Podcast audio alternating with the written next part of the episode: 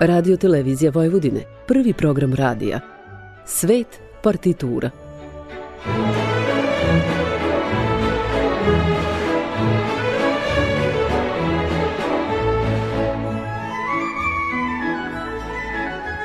Urednik i voditelj Bogdan Đorđević.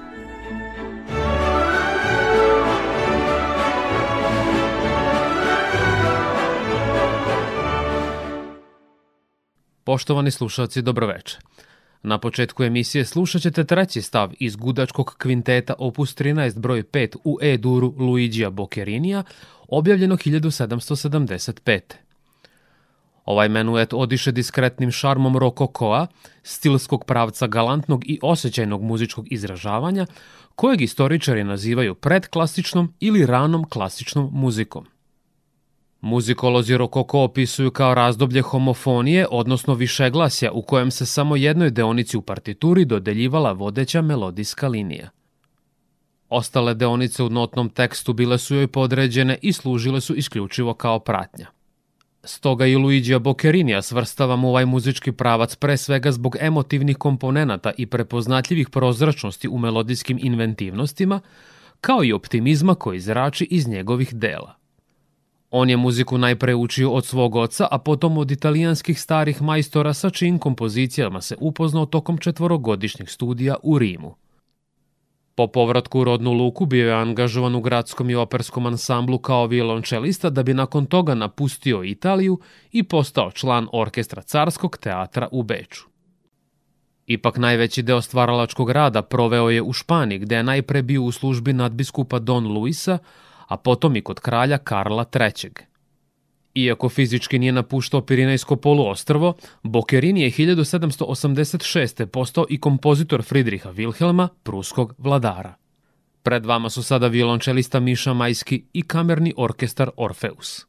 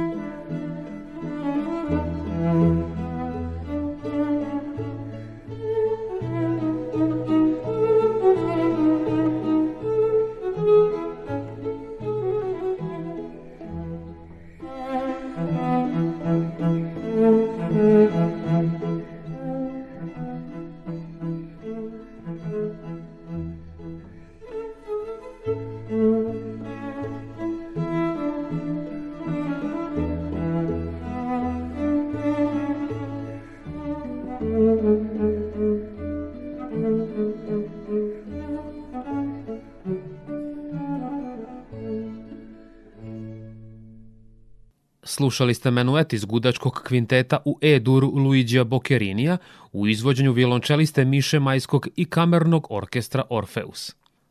Bokerin je napisao oko 400 instrumentalnih kompozicija sa ljubkim i pevljivim melodijama ukrašenim svežim i originalnim figuracijama. Veliku pažnju posvetio je i u beleženju dinamike, ali i u razvoju tehnike sviranja violončela, odnosno stvaranju obimne literature za ovaj instrument. Vi ste na talasima prvog programa radija Radio Televizije Vojvodine.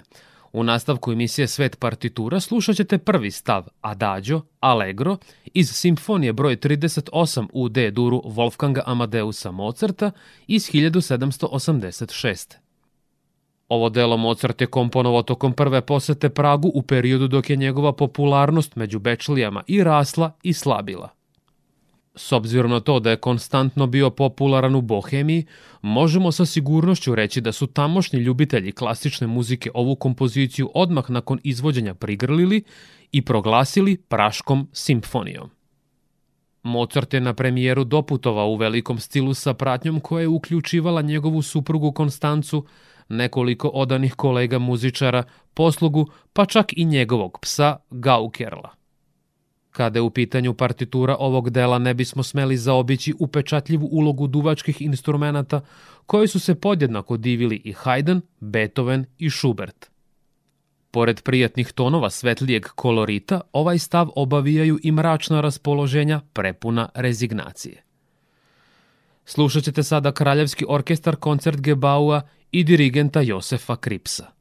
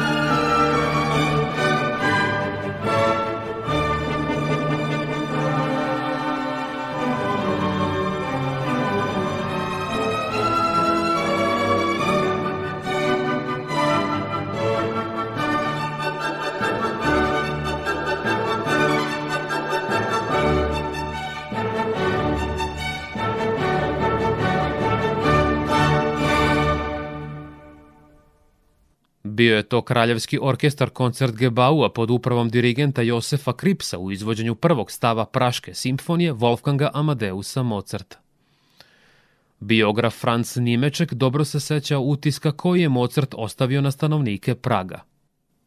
Nismo zapravo znali čemu da se najviše divimo, da li izvanrednim kompozicijama ili njegovom izvanrednom sviranju.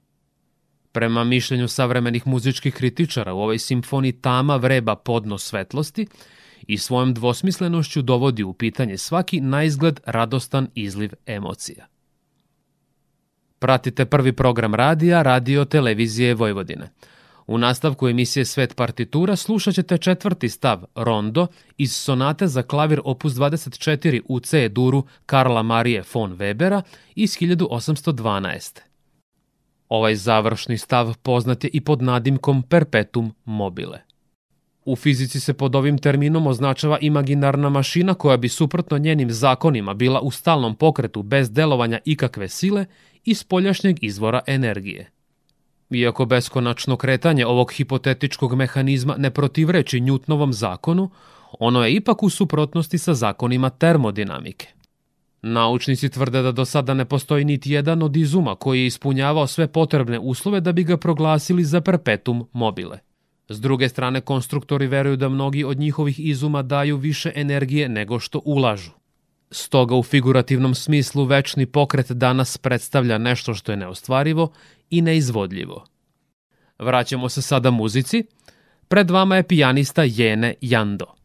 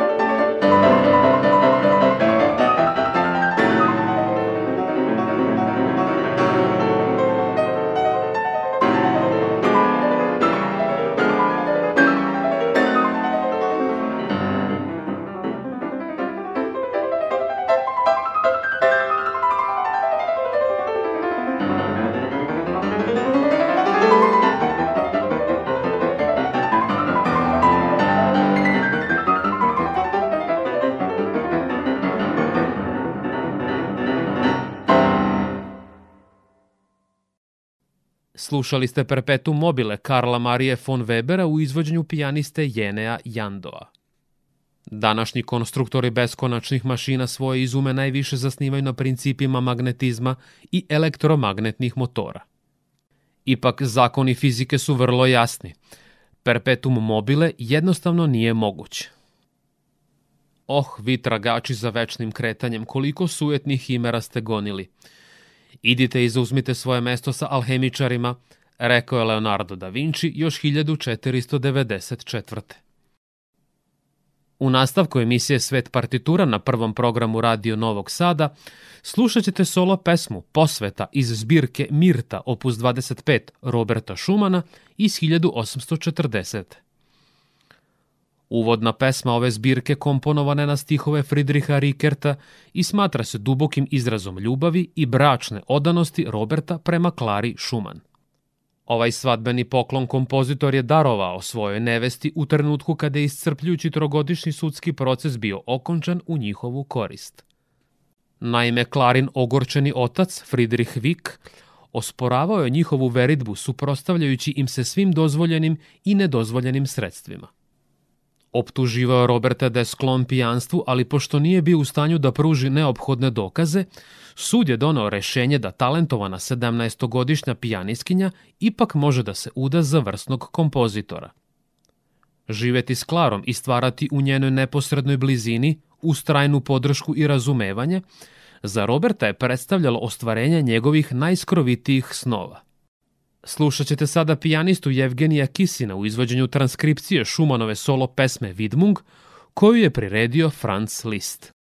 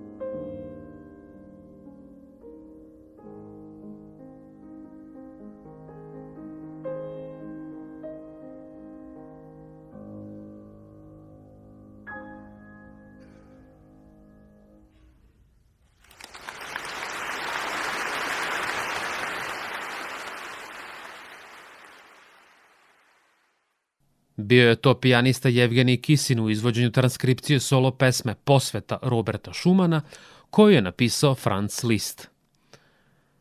Šuman je osobito voleo vokalnu muziku, pa je u svojoj beležnici Muzička pravila zapisao da su narodne pesme rudnik najlepših melodija. Govoreći o muzikalnosti, dao je i jedan savet početnicima. Od pevača i pevačica može mnogo da se nauči. Ipak, nemojte sve da im verujete. Nastavljamo dalje s muzikom u emisiji Svet partitura na prvom programu radija Radio Televizije Vojvodine. Slušat ćete valcer Ruže s juga Johana Štrausa mlađeg iz 1880. Kompozitor je u ovom valceru citirao poznate i popularne muzičke teme iz operete Kraljičina Čipkana Maramica. Iako je preovlađujuće raspoloženje ovog dela na izvestan način uzdržano i zamišljeno, njegovi završni trenuci štrausovske radosti i iskričavosti publika uvek dočekuje sa oduševljenjem. A sada ćemo nešto reći o ružama koje su kroz istoriju čovečanstva predstavljale simbole ljubavi, strasti, emocija i vernosti. One mogu da prenesu najlepše poruke bez jedne izgovorene reči. Najstariji pisani podaci o njima potiču iz antičke Grčke kada su Afroditi, boginji ženske lepote, bile prinošene na žrtvenik. Ruže su bile uzgajane i u Vavilonskim i Solomonovim vrtovima. A kod starih Rimljana imale su čak i kultni status direktno povezan sa Venerom, boginjom ljubavi.